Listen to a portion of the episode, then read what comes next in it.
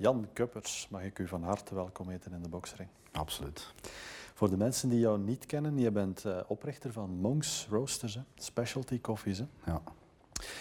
We gaan uh, het er straks uitgebreid over hebben. We hebben hier een paar mooie voorbeelden staan, lekker ruikende voorbeelden. Jij bent origineel begonnen als industrieel vormgever. Hè? Ja, klopt. Ja. Ben je daarbij terechtgekomen, Jan? Oh. Denk van kinds af aan altijd dingen willen maken, altijd bezig geweest. En ik wist al heel vroeg in mijn middelbare carrière dat ik productdesign of industriële vormgeving wilde gaan studeren. Zij, ze hielden me daarvoor tegen, want ik weet nog dat die... Toen was nog het PMS. Toen zei ze, productdesign, hm, dat is niks voor u. Want je vond daar ook heel weinig informatie over in de opleidingen. Ja, ik, ik, wist dat je dat ging doen, dus ik ben dat gewoon gaan doen en ik heb daar geen moment spijt van gehad. Ja. Voor mij was dat de, de perfecte opleiding, omdat er heel veel dynamiek in zit. En heel veel verschillende niveaus van, van sociologie, filosofie, psychologie naar uh, esthetica, um, wiskunde, sterkteleer. Dus heel uitgebreid gamma van alles iets en dat sprak mij enorm aan. Ja. lijkt mij een van de meest boeiende dingen om, om te gaan studeren. Waar heb je dat gestudeerd? In Genk. In Genk? Ja. Ah, okay. ja. Um, na jouw studies ben je op pad gegaan, hè? heb ik uh, vernomen van jou. Ja, ja ik ben uh, na, mijn, na mijn vijfde jaar productdesign ben ik naar Sevilla getrokken. Uh, omdat ik eens echt uit het, het design design wilde, design met een grote D. Ik wil echt dingen met mijn handen gaan maken. En ik ben terechtgekomen in Sevilla, in een paardenclub, paarden- en golfclub. En daar was één heel klein huisje, er was een, een man um, die niks anders deed dan dingen herstellen uit leer, de, de, teugels van de paarden. Maar die maakten ook handtassen en lederwaren. En ik heb daar de kans gehad om echt de stiel te leren, om met mijn handen leder te bewerken. En dat is een van de, van de rode draden, denk ik, door, door heel de carrière, is het, het contact rechtstreeks met het product hebben, van, van aan de basis. Het, het voelen en het, het, beleven van, van materialen en, en producten. Ja, ja. Dat is fantastisch om te doen. Je was uiteindelijk nog heel jong toen je dat, in Sevilla dat project ging doen. Wist je toen al dat het ondernemerschap in jouw aderen zat? Nee, nee niet rechtstreeks. Ik had, ik had wel um, met het, het eindwerk als uh, productdesigner, toen ik afgestudeerd ben, heb ik een, een prijs gewonnen. Daar ging een, een, geldprijs aan vast. Ik heb toen samen met een, een andere uh, klasgenoot, Michael Vrijden, waar ik toen mee studeerde, had ook dezelfde, hetzelfde budget gewonnen. En we hebben dat samengegooid. En we hebben toen beslist om um, de eerste handtaslijn Kuppers en Vrijden toen uit te brengen. En eigenlijk ben ik zo onmiddellijk als bijberoeper gestart om, om eigen dingen te maken, te vermarkten. Want je had wel gestudeerd natuurlijk om iets te maken. Ja. Maar ik was niet degene die een opdracht van anderen echt een, een, een dienstverband wilde gaan ontwerpen. Ik wilde mijn eigen dingen doen altijd. Die vrijheid hebben om zelf um, dingen te maken en te vermarkten. En dat is vanaf dag één na mijn studies eigenlijk begonnen. Ja. ja. Je bent ook een stukje in, uh, in het educatieve uh, rolspel gekomen. Hè? Ja. ja, eigenlijk was dat een, een, ook een, een heel logische keuze. Ik, heb er nooit over nagedacht. Mijn ouders uh, stonden alle twee in het onderwijs, gaven alle twee les. En ja, jongen, ga maar, ga het onderwijs en dat is altijd goed. We zijn sociaal opgevoed, altijd bij de jeugdbeweging geweest. En het delen van, van kennis en, en mensen meepakken in uw verhaal, uw passie overbrengen, dat heeft me altijd aangesproken. Dat blijft heel belangrijk, nu nog steeds. Um, ja, ik ben het onderwijs terechtgekomen. Ik heb dan in de, toen heette het kunstschool in Genk, beginnen lesgeven. Ik heb dan de kans gekregen ook om een uh, specialisatiejaar te schrijven, op te richten waar we studenten um, die na het zesde middelbaar een beetje tussen schip en wal vielen, die nog niet klaar waren voor het hoger onderwijs, of die het hoger onderwijs geprobeerd hadden, maar niet genoeg ondersteuning kregen of gewoon de theorie te zwaar hadden, om die toch kansen te geven op de markt. Want anders belanden die ergens aan de band, terwijl ze toch talent genoeg hebben om creatief om te gaan met hun, hun kunde. En daar een opleiding voor ontwikkeld. En op één jaar tijd probeerden wij die mensen vooral te sturen in uh, doorzetten. doorzetten. Je hebt, je hebt een, een, idee. Hoe kun je dat idee van, van in je hoofd vermarkten naar, naar de markt? Hoe kun je dat klaarmaken? En het belangrijkste erin is, is doorzetten. Gewoon gaan, maar heel logische beslissingen leren nemen. Niet dromen, maar alles aftoetsen en alles met de voeten op de grond aanpakken. En design was daar het middel voor. Ehm, leren ontwerpen, leren bedenken. Maar het allerbelangrijkste, denk ik, ook in heel die opleiding is, je moet ook de behoefte zien die er is in de markt. Als er geen behoefte is, moet je ook je product maken. Er is geen vervuilender product dan een product waar geen behoefte voor is. En dat is iets waar, waar mensen heel vaak over kijken. Ze hebben een idee, ze willen iets doen. Maar als niemand daarop zit te wachten, ja, stop er dan mee. En soms hebben ze zelf een heel goed idee waar ze alleen persoonlijke behoefte aan hebben, maar niemand anders. En daar moet je kunnen boven zetten. En daar moet je... Met zo'n opleiding proberen we die mensen op bejaardheid toch naar een, een, een, een geheel, een, een, een, een gereedschapskist mee te geven waarmee ze toekomst tegemoet kunnen. Ja. Ja. En we zagen dat heel veel van die mensen terechtkwamen bij, bij ontwerpbureaus of bij heel breed inzetbaar. Want die konden zowel grafisch een, een folder maken, ook het product mee uitdenken, maar ook een technische tekening maken, kunnen 3D tekenen, kunnen 3D printen. Dus die zijn heel breed inzetbaar binnen een organisatie. En dat maakt die mensen toch wel redelijk gewild. ja. Als ik het zo hoor, is het vooral van voldoening, hè? vooral Ja. waar je Ja. in die eerste jaren mee bezig was. Uiteindelijk, ehm, naast ehm Kuppers en Verheijen, ben je in 2014 ehm, nog een, een nieuw eh, project opgestart. Hè? Ja, tussenin is ook nog eh, Kuppers en Buitens. We hebben ook nog een, een designstudio gehad waar we ehm, op, op, een, op een hoger niveau aan, ehm, aan ontwerpen hebben gedaan. Waar we mooie producten hebben gemaakt, kindjes hebben gemaakt in de vorm van producten. Ehm, en dan in, daarna zijn we ook nog begonnen met, met koffie. Ja. Ja. Daar wou ik tot komen. Hè. Uiteindelijk, eh, we zien het hier naast ons, Monks ontstaan. Van leder naar koffie. Hè. Ja, ja klopt. Van waar die passie? Ehm vanwaar die passie? Ik moet eerlijk toegeven dat ik voor 2014, 15 nooit iets met koffie heb gehad. Het is nooit in me opgekomen. Als ze toen zouden zeggen, je gaat met koffie een stuk van, van Vlaanderen en de grenzen daar rond veroveren. Nee, had ik u voor gek verklaard. Maar ja, zoals veel mensen die op café gaan met dezelfde vrienden, zit je altijd bezig met ideeën te bedenken en, en dingen maken. Hoe kunnen we het verschil maken? En ik denk dat we wekelijks verschillende businessmodellen hadden en dit gaan we doen en zo gaan we het doen.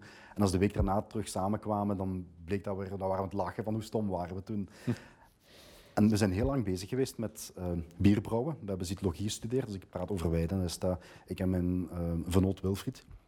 Samen zytologie gedaan en heel veel met bier bezig geweest. Maar dat was qua, qua techniek en qua hygiëne en qua investering zo moeilijk. En iedereen sprong op die markt, die homebrewers die kwamen op. En wij zagen daar niet meer in hoe we daar ons dingen konden doen. En koffie daarentegen, daar voelden we dat er een, een heel oudbollige markt uh, bezig is. En daar zit een heel uh, hipstermarkt bovenaan. Maar daartussenin is een heel groot gat. Daar dachten wij veel meer het verschil te kunnen maken. En daar zijn we dan eigenlijk helemaal ingesprongen.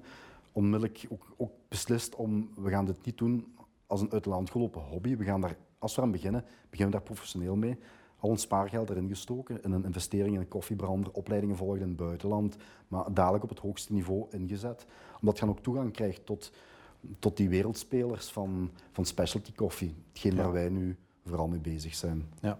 ja, jullie hebben het ehm, tot een topniveau getrokken, want, want het gaat verder dan fa- een fairtrade. Het gaat veel verder dan een gewone koffie. Ja. Eh, het is een enorm boeiend verhaal hè, en een boeiende materie. Hè. Ja. Ja, ik, ik- wat ook weer heel belangrijk is in, in heel dat ondernemerschap voor mezelf dan, is dat ik er zelf 100% moet achter staan. Anders gaat dat niet. Ik moet er plezier uit halen, iedere dag. En het verhaal moet kloppen. Als het puur om het financiële zou gaan, dan houd je dat geen vol, geen ganse carrière. En dan denk je dat je ook geen ziel in je product kunt leggen. Dus het, het zoeken naar, naar het juiste product en de juiste manier om dat te vermarkten, eerst onderzoeken of er plaats is op die markt, dat is heel belangrijk geweest. En dat is hetgeen waar we nu mee, mee gestart zijn met, met Monks. Echt het, het zoeken naar het ideale product. Eigenlijk om, om heel dat verhaal te initiëren. Ik ging vaak met mijn studenten op studiereis, New York, Berlijn, noem maar op. En vaak kom je dan, we dan met, met koffie bezig in ons achterhoofd. Maar ik begon de ochtend altijd in een, in een koffiebar, s'morgens, zoveel mogelijk. Waarom? Omdat die koffiebars in buurten van steden liggen die meestal het heropleven zijn. Er zitten creatieve mensen, dat is een, daar hangt veel animo, dynamiek. Ehm, En koffiebars vind je daar meestal bij de vleet.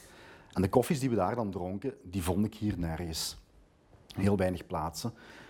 Ehm, ja, ik vond dat jammer.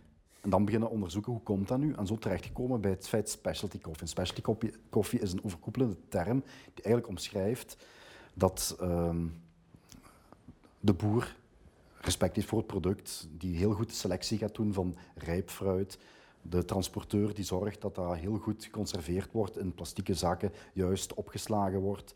De brander die met heel veel zorg en nauwkeurigheid die boon gaat branden op lagere temperatuur. Maar ook de barista die die koffie met de juiste kennis en kunde naar de klant brengt. En heel die cyclus samen zorgt voor dat specialty koffie goed is. Um, wij wilden echt, ja, als boer was hier moeilijk. De koffie groeit alleen tussen de kreefskeerkring en de steenbokskeerkring. Dus als koffiebrander zijn we de eerste schakel die we konden zijn.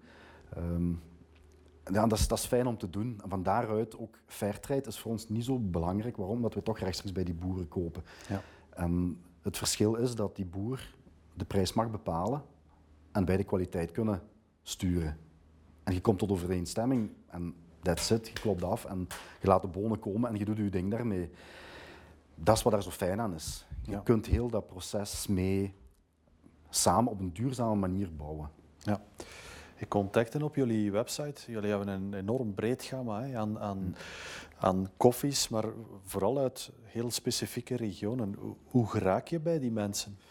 Wel, heel, heel vaak um, kom je die mensen tegen op een beurs, op een koffiebeurs. Je kunt ze zelf gaan bezoeken. Um, er zijn mensen die ondertussen gespecialiseerd zijn in die kleine farms, die de, die de connecties maken. Um, het is een hele amabele wereld. We hebben ook heel veel koffiebranders waar we mee samenwerken. Die, die kent die boer, die kent die en je, je bestelt samen je koffie. Maar ondertussen, het is vooral door de komst van het internet dat ook die wereld helemaal opengetrokken is. We, kunnen, we krijgen maandelijks krijgen we berichten, messengers, WhatsApp, staaltjes via UPS of TNT opgestuurd van koffieboeren over heel de wereld die ons vinden en die proberen hun, hun waren te slijten bij ons. Dit is onze koffieproeves, laat ons iets weten wat vind je van de prijs? En je begint onderhandelen via WhatsApp, via, via Zoom-meetings, noem maar op. Dus die wereld is heel klein geworden. Wij moeten niet meer via de beurs passeren. We kunnen echt rechtstreeks met die mensen handelen. En dat maakt het ook zo fijn, ook voor die boer. Je hebt contact met die personen zelf, die ook achter dat product staan en die even fier zijn uh, op het product, gelijk wij dat naar de, de klant brengen, als wij op die boer hoe die zijn product probeert te vermarkten. Ja. Het is samenwerken, anders gaat het niet. Anders klopt heel het geheel van specialty coffee niet. Iedereen moet achter het feit staan van alles moet goed gebeuren. En smaak en kwaliteit is nummer één. Als ik het zo hoor, is dat eigenlijk een, een, een enorme duurzame beweging die zich stelt. Want de mens, de boer, staat daar ook centraal. Die hebben toch veel meer voldoening als die rechtstreeks met jullie in contact staan dan tegenover andere systemen. Ja, die boeren groeien daar zelf ook in. Als je, als je ziet dat die, als een koffie via, ehm, via de beurs wordt aangekocht, dat, gaat, dat zijn grote containers die moeten gevuld worden. Die koffiebonen die worden op het moment geoogst dat de meeste bonen rijp zijn.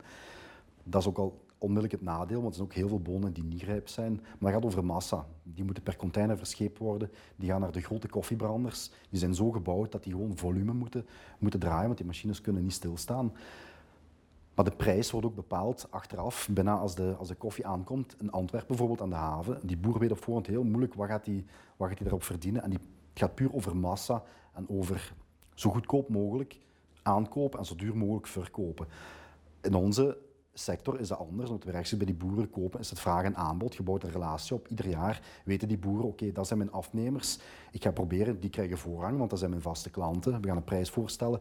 Soms is die koffie iets slechter van kwaliteit, dan proberen we iets goedkoper in te kopen. Maar dat gaat nooit heel veel schelen. Maar die boer gaat wel tot bijna drie keer meer geld krijgen voor die koffie dan dat men via de beurs zou verkopen. Langs de andere kant, wij vragen wel, je moet je selectie goed doen. Alleen rijpe bonen, de groene bonen eruit uitlaten, want het zijn die groene bonen die net niet rijp genoeg zijn, die straks ervoor zorgen in je koffietas dat je bittere en wrange smaken gaat hebben. Wij moeten heel homogeen rijp fruit hebben, om die goede smaken te kunnen benadrukken. En ik vergelijk dat vaak met fruitsla. Allemaal rijp fruit, maar één banaan die nog groen is, een kleine stukjes daaronder mengen, dat gaat heel die fruitsla bitter maken en gaat wrang maken. Met koffie is dat net hetzelfde. We moeten heel homogene massa van rijp fruit hebben om die goede smaken te benadrukken. Zitten daar toch slechte bonen bij? Het enige wat we kunnen doen is de temperatuur verhogen, zodat die bittere smaken verdoezeld worden. Maar gaat ook de goede smaken die in die koffie zitten, die ziel, gaat je ook mee verbranden. Waardoor die koffie in die tas bitter en wrang gaat worden bij het afkoelen. Die gaat slechte kwaliteit hebben, die gaat daar geen plezier van hebben. En daar heb ik er ook geen plezier van. Ja. Het, het, is een, een, gevoelig product, las ik. Hè. Het is een product dat ehm, eh, op grote schaal moeilijker en moeilijker te telen valt.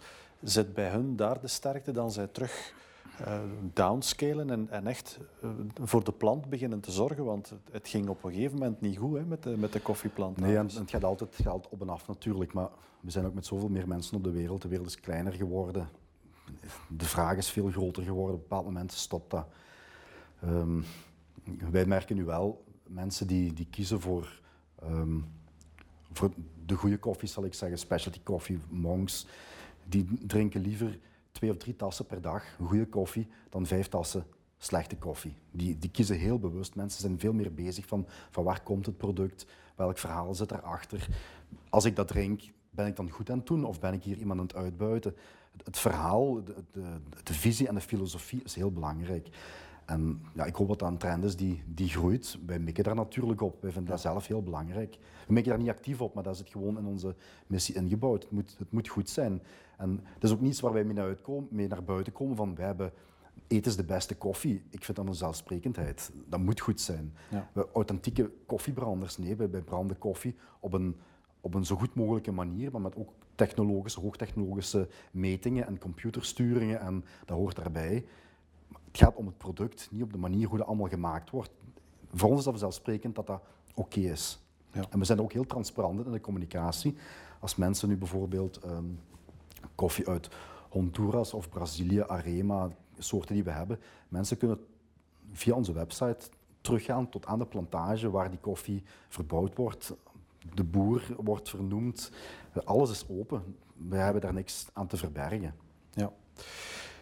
Ik ben voor ons gesprek bij jou langs geweest. Ik wou het kost wat kost eens proeven. Um, omdat je, je hoort de naam specialty coffee, je hoort uh, het verhaal er rond. En dan, dan krijg ik altijd de gezonde goesting van, dat moeten we eens geproefd hebben. Hè. Ja. Je proeft daadwerkelijk een compleet andere koffie. Hè. Het is het verhaal van die rijpe bes tot het slow cooking verhaal bij jou in de zaak. Je proeft het echt. Hè. Ja. Ja, je proeft het verhaal, zeggen we soms. Ja? Het, is, het is effectief zo.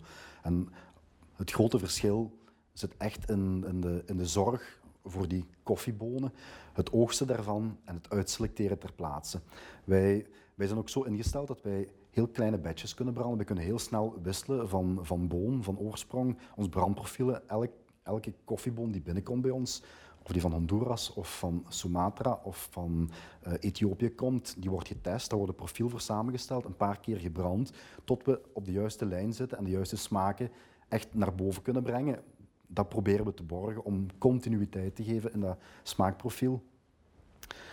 Um, dat, is, dat is heel belangrijk, dat we daar die, die ziel in die, in die smaken kunnen leggen. Ja. Wat mij enorm fascineerde, we hebben hier twee voorbeelden staan. Jullie geven echt bijna een identiteit uh, van het product terug hè, op de verpakking.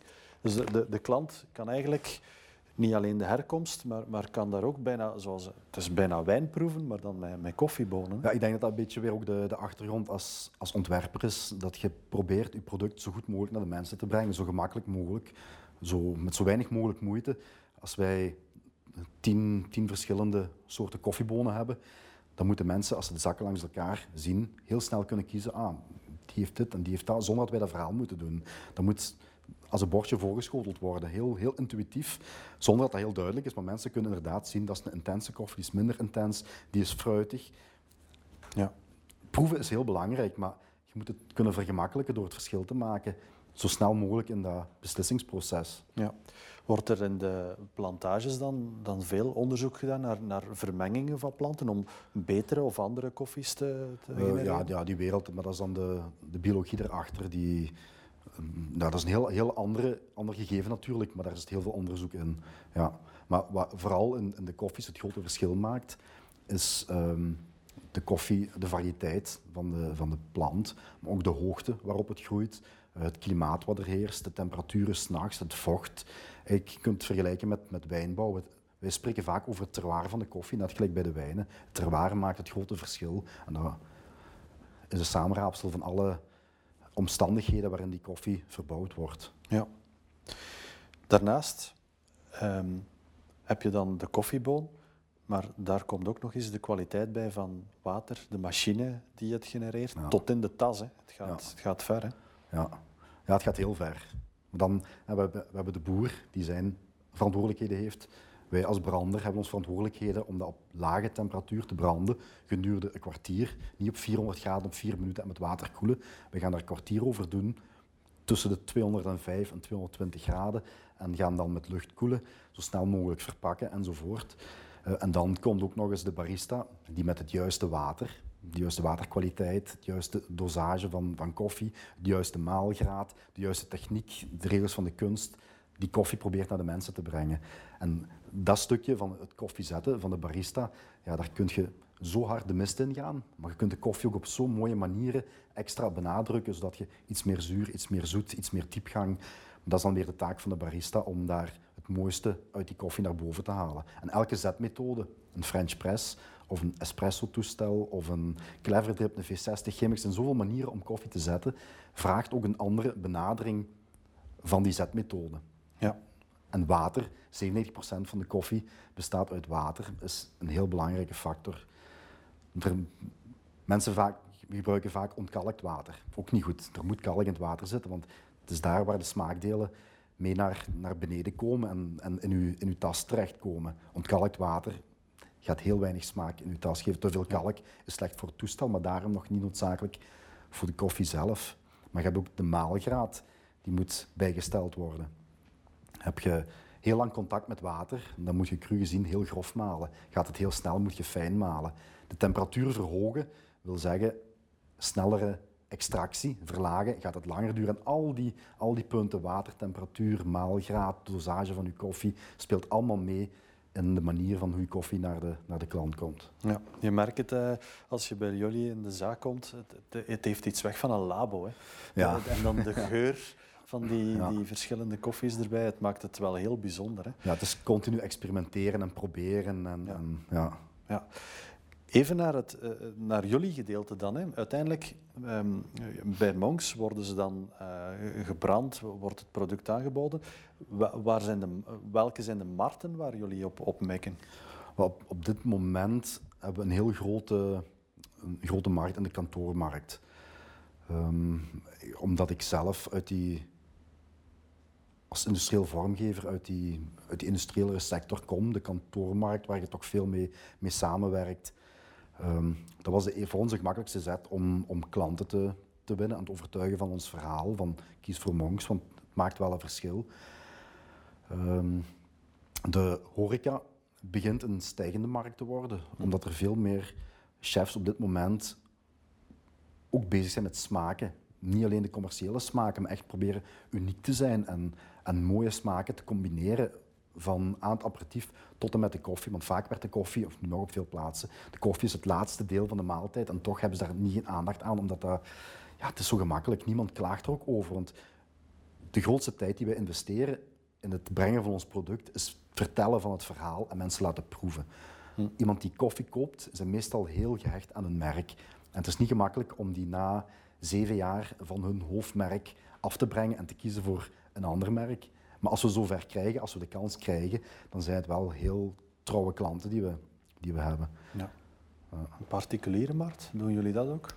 Um, sinds kort. We hebben twee lockdowns meegemaakt. De eerste lockdown hadden we dus heel veel kantoren, maar verplicht thuiswerk werd ingevoerd, waardoor we de omzet echt zagen dalen.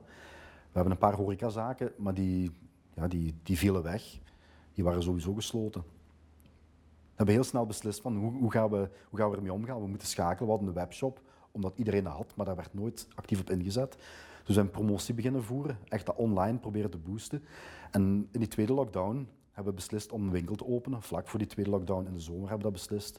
Om die particuliere markt ook te bereiken. En dat gaat alleen door aanwezig te zijn in het straatbeeld. Met een winkel, met een belevingsshop waar de koffiebrander te zien is. Want die koffiebrander, dat blijft onze, onze motor van de zaak. We zijn koffiebranders die, die specialty koffie proberen naar de mensen te brengen. Maar we willen zo open en bloot mogelijk zijn. Die koffiebrander staat in het midden van, van, de, van de zaak. Die is toegankelijk. Die, is die je kunt zien als we bezig zijn. Ehm, het fijne is dat we dat gewoon kunnen delen allemaal. Het, het, verhaal vertelt zichzelf ook voor een stuk als je daar heel open in bent. We hebben nooit het gevoel van, dit mogen ze niet zien, dat alles mag gezien worden bij ons. Ja. Dat maakt het ook zo fijn. We kunnen echt focussen op, op het product zelf. En dat is voor ons het koffiebranden. Of het nu particulieren zijn, of, de, of ondernemers, of, of horecamensen, chefs. Iedereen willen wij die goede koffie laten proeven. Ja. ja we willen, eigenlijk is dat een van de, van de belangrijke missies die wij willen doen. We willen die specialty koffie uit die, die hipsters zien, die bovenste laag van de, van de koffiewereld halen en we willen die naar het, naar het middensegment brengen. Voor iedereen bereikbaar maken en niet alleen puur luxe bezien. Ja. Het is ook een luxe voor, voor die boeren die daar in die landen zitten, die uitgebuit worden om die meer te laten verdienen. En hier de mensen betere koffie te geven voor relatief dezelfde prijs, want het is daarom geen superduur product. Ja. Want denk het verschil tussen een, een commodity koffie, koffie die je in de supermarkt vindt, en specialty koffie. Specialty koffie is ongeveer in België, zal 4, 5 procent zijn van de koffiemarkt is specialty koffie. Daar zitten wij in. Uh, maar het verschil in prijs is vaak maar 5, 6 eurocent per tas, wat je meer betaalt. Maar die tas, daar krijg je zoveel kwaliteit voor, zoveel voldoening. Die boeren hebben daar zoveel beter voor. Mensen beseffen niet zelfs een specialty koffie, een goede specialty koffie, nog altijd goedkoper is dan een glas spuitwater. Hey, en dan zitten wij soms te, te melken over dat is zo duur of het is dit of daar is dat. Maar spuitwater, daar denken we niet, daar staan we niet bij stil. Ja, bizar hè? Heel bizar. Je gaf het zelf al even aan, de, de COVID-periode. Um, we zitten er nog volop in. We zijn nu een jaar verder, meer dan een jaar verder. Wat heeft dat voor jullie betekend eigenlijk? En voor ons heeft dat betekend dat we heel snel moesten schakelen. Dat is dan weer het stuk, denk ik, als, als ondernemer bezig zijn, ook met de, de toekomst van je product. We weten waar we naartoe willen gaan. Maar dat werd ons afgenomen door die maatregelen. Dus hebben we andere pistes moeten kiezen. Ehm, het uitbouwen van die webshop, uh, dat is ondertussen ongeveer maal, maal zes gegaan ten opzichte van, van vorig jaar. Omdat we actief hebben op ingezet. Ehm, we waren al van plan om een flagship store te maken met Monks. Maar wanneer, ja, vond ze de weg wel. Maar door die COVID-periode ja, zijn we moeten, moeten gaan nadenken van oké, hoe gaan we terug geld binnen kunnen krijgen, hoe gaan we kunnen groeien. Ja, op dat moment was dat alleen door de particuliere markt, want die markt was niet gesloten. Die bleef open. Dus hebben we daar weer al het budget op ingezet. En ja, ik moet zeggen, we zijn blij, ik ben blij dat we dat gedaan hebben. Omdat dat ons wel terug perspectief gegeven heeft om te blijven groeien gelijk we nu bezig zijn. Ja.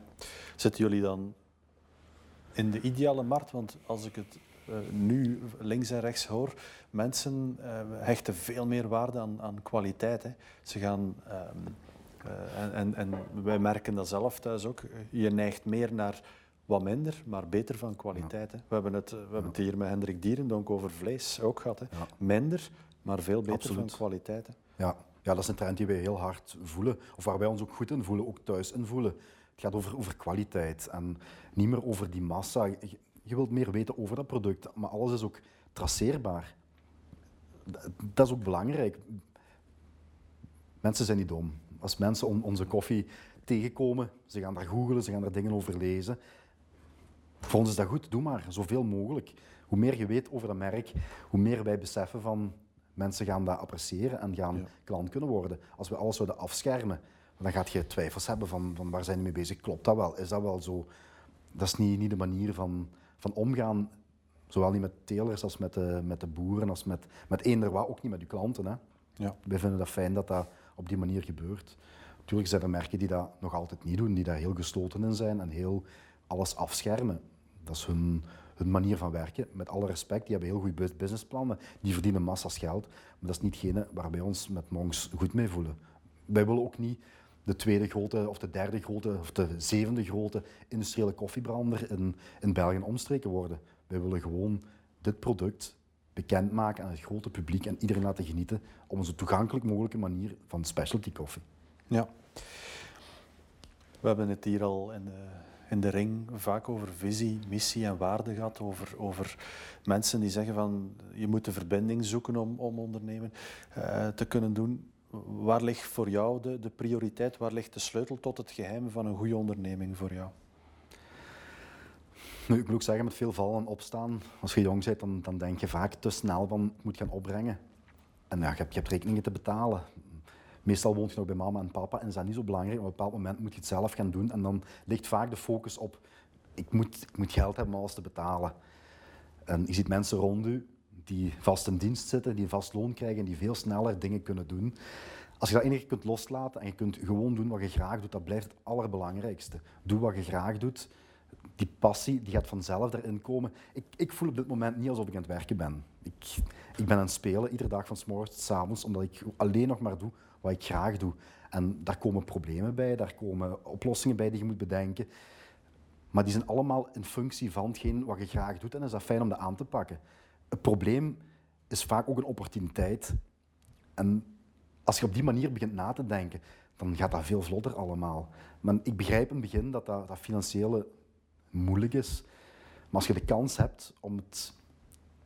Ik ga het anders zeggen. Als je niet gehecht bent aan die materialistische zaken en je moet niet met een dikke auto rijden en je moet niet de nieuwste kleren en de beste gsm, als je dat kunt achterwege laten, dan heb je het veel gemakkelijker om echt je product in de kijker te zetten en voor je passie te gaan. En de rest komt vanzelf. Mensen volgen dat. Maar je moet volhouden, doorzetten. Het gaat niet van vandaag op morgen. Je hebt, je hebt succesverhalen hè, die op een paar jaar tijd groeien tot, tot weet ik veel wat. En natuurlijk komen die in de kijker, want iedereen kijkt er naar op. Er wordt overal over geschreven. Maar 95% van de gevallen is dat zo niet. Dat is van keihard werken, van doorzetten, doorbijten. En met heel veel fundament en, en, en eerlijkheid uw, uw merk uitbouwen. Dat is heel belangrijk, denk ik. Je gaf het, uh, je, je zei het er net al, ik wil niet de, de grootste worden, ik wil niet de top 7 worden, maar waar ligt dan de toekomst voor jou? Um, zoveel mogelijk mensen die specialty koffie leren kennen. Natuurlijk willen we met Monks altijd top of mind zijn. Ik ga niet ons op banken steken. We willen een groot merk uitbouwen in die, in die wereld. Um, maar het gaat mij niet zozeer over, over welke cijfers we dan moeten gaan halen of welke, welke omzet. Waar, waar, vaak wordt dat gevraagd, welke omzet draai je? Ik denk eerder aan hoeveel nieuwe klanten kunnen we per maand bereiken? Hoeveel mensen kunnen we gelukkig maken en kunnen we een goede koffie aanbieden? Hoeveel levens gaan we gemakkelijker maken? Hoeveel mensen gaan er zo net een klein beetje een, een kleine smile op hun gezicht toveren door, als ze die koffie proeven, ah, dat is toch wel iets anders. Of gewoon s'morgens genieten van, ah, nu kan ik kan genieten van dat product, want ik weet waar dat product voor staat en ik voel me daar goed mee. Meer moet dat niet zijn. Ja. En daar willen we in groeien. Mens centraal hè? in, in ondernemen. Hè? Ja. Ja. Van mensen gesproken, jongeren, hè? die hebben het um, op deze moment helemaal niet gemakkelijk. Hè? Ze kunnen niet buiten, ze, kunnen niet, ze hebben uh, andere vormen van school. Je hebt zelf uh, lesgeven of geef je nog zelf les. Um, wat, wat, is jouw boodschap naar hun toe op dit moment? Ja, heel moeilijk. Ik heb, ik heb ook twee, twee dochters op dit moment die tegen de puberteit aanlopen. Dat is niet gemakkelijk, nee. Die, die kunnen niet het leven leiden gelijk wij dat als kind hebben kunnen leiden. Die zitten, die zitten vast. En ja, die, die gaan nog meer naar een gsm en de sociale media toe. Heel jammer, heel moeilijk. Ik kan alleen maar hopen dat het zo snel mogelijk opgelost geraakt. Maar we zitten er nu en we moeten erdoor. We kunnen alleen maar zoveel mogelijk steun geven aan, aan die jongeren. Zij zijn de toekomst. Zij moeten het gaan doen, maar ik denk wat het heel belangrijk is, de mensen onderschatten dat. Ze maken dat nu mee, maar ze gaan dat nog jaren meedragen. Dat gaat, dat gaat een, een deel van, van die generatie zijn. Dat gaat de COVID-generatie zijn die, die opgroeit. En we moeten daar oog voor hebben, de komende tien jaren nog. En niet als de lockdown gedaan is, denken van, nu zijn we er. Ja. Wij gingen vroeger op stap, we gingen pinten drinken, we deden wat we wilden in die tijd. Die twintigjarigen nu, die zitten thuis, die mogen niks. Die, die, moeten, die moeten de beest uithangen en gekke dingen doen, dat hoort erbij. Ja. En dat kunnen die nu, ik vind dat heel erg. Ja. Jawel, je werd zelf als uh, jonge gast door het PMS afgeraden om, om te gaan doen wat je echt wou doen. Is het voor hun nu gemakkelijker op dit moment? Ja, ik denk dat er veel meer mogelijkheden zijn om, om te ontdekken wat dat er is op de markt. Ik weet vroeger, ik zat in het zesde middelbaar, had een heel klein boekje en daar kon je alle opleidingen die er bestonden, kon je daarin kiezen. En dat was het. Kon naar de studentenbeurs gaan en dan kon je wat, wat mensen spreken, maar nu met, met de komst van het internet en de sociale media, het gaat ook veel, veel vlotter allemaal. Dus het is zeker niet meer hetzelfde als vroeger. Ik weet ook, als wij eh, in de school bij ons werden leerlingen echt wel voorbereid om die volgende stap te zetten. Daar, gingen, daar ging anderhalf jaar aan vooraf, vanaf een stuk van het vijfde middelbaar over het zesde heen, waren er veel sessies gegeven en, en raadgevingen en mensen die kwamen spreken om die jongeren een zo goed mogelijke keuze te laten maken. Want ze zijn nog altijd maar 18 jaar. Hè. Ja. En heel veel mensen maken een keuze waar ze achteraf niks meer mee gaan doen. Maar als ze weten waarom ze die keuze op dat moment gemaakt hebben, is het ook goed. Een verkeerde keuze is daarom geen slechte keuze. Maar je moet wel omgaan met die keuze. Je bent verantwoordelijk voor die keuze die je gemaakt hebt. En helemaal niet erg. Ja, talenten ontdekken. Ja, ja. Op die manier. We zitten hier in een boksring. Wat doet dat met jou? Heb jij in jouw carrière het gevoel gehad dat je in een boksring gestaan hebt? ondernemen, durven in het oog van een ander, in een ring stappen en iets doen? Ik heb, ik heb niet het gevoel gehad dat ik ooit echt heb moeten, moeten vechten om er te geraken. Nee, eigenlijk niet. Ik heb... Wat was het geheim dan? Ja, ik weet het niet. Ik ben daar ook nooit bewust mee bezig geweest of ik heb daar nooit mijn, een klemtoon op willen leggen of heel agressief de markt bespeeld. Of... Nee, ik ben altijd heel bewust geweest van het feit dat het niet gemakkelijk is en dat je, dat je moet blijven gaan. Ik, ik noem dat niet vechten, ik, voor mij is dat doorzetten. Nee, dat is, dat een, ik, begrijp de vraag. En ik sta nu zelf versteld dat ik dat niet heb meegemaakt, maar ik, nee, ik heb niet echt moeten, moeten opboksen tegen iemand of echt moeten, mijn verhaal moeten pitchen en met, met heel veel... Ik heb altijd mijn, mijn ding gedaan. En als iemand niet wilde luisteren, omwille van een of andere reden, vond ik dat oké dan wist ik dat ik ergens anders moest gaan. Ik had daar misschien ook te veel respect voor die mensen. Als ze niet wilden luisteren naar de verhalen, vond je dat ook goed. Dan ging ik niet nog eens doorduwen van, jawel, want daarom en daarom. Nee, iedereen, iedereen heeft een eigen mening. En goed, als ik die mening, als er niet mee akkoord ga, zou ik dat ook wel zeggen. Maar waarom iemand overtuigen als je toch al voelt dat die, dat die niet helemaal mee is met uw verhaal? Ik denk nu in het geval van koffie. In, ons, in ons verhaal Nee, ik, ik, denk dat we ook meer dan koffie verkopen. Het is niet gewoon van, ah, je hebt nu dat merk, nu moet je met ons merk beginnen. Het is meer het, verhaal wat wij verkopen naar die mensen toe. Of zelfs niet verkopen, we vertellen dat en mensen voelen zich aangesproken tot, tot het geheel. Tot, Monks is niet alleen een koffieboom, we zijn geen marketingverhaal. We zijn, we zijn een, een producent die van, van A tot Z alles probeert open en bloot te leggen. En dat is hetgeen waarbij met goede smaak, maar uiteraard ik, ken geen enkele koffiebrander die vindt dat hij slechte koffie maakt. Dus wij gaan ook niet gewoon zeggen, we hebben de beste koffieboon. Nee, dat, ik vind dat vanzelfsprekend dat wij de beste koffieboon hebben. Dus wij moeten dat niet vertellen. Wij vertellen andere zaken. Wij vertellen... Educatie vind ik heel belangrijk. Misschien ook waarschijnlijk niet... Ik heb altijd lesgegeven, altijd onderwijs gestaan. Altijd mijn, mijn kennis en mijn passie als, als ontwerper, als ondernemer gedeeld met, met jongeren. Maar dat willen wij met, met koffie ook doen. Uh, wij doen dat ook. Wij geven tips en tricks over hoe moet je koffie zetten, hoe moet je de koffie malen. En of dat nu onze koffie is of niet. Het is niet de bedoeling dat Monks daar in beeld staat, maar we willen die, die content delen. Heel belangrijk. Zonder dat wij daar top of mind moeten zijn. Maar door mensen raad en daad te geven, gaan ze vanzelf meer luisteren. En ze voelen dat je je product kent. En als ze daardoor ook onze koffie gaan proberen, ja, zoveel te beter. Maar ja het delen van kennis is, is gewoon fijn. Ik kan alleen maar beamen, je proeft de liefde, de passie en de waarden van uh, jullie product, eh, zeker en vast. Mag ik jou van harte bedanken voor dit fijne gesprek. Dank u wel, graag gedaan. The Box Ring, big on small talks.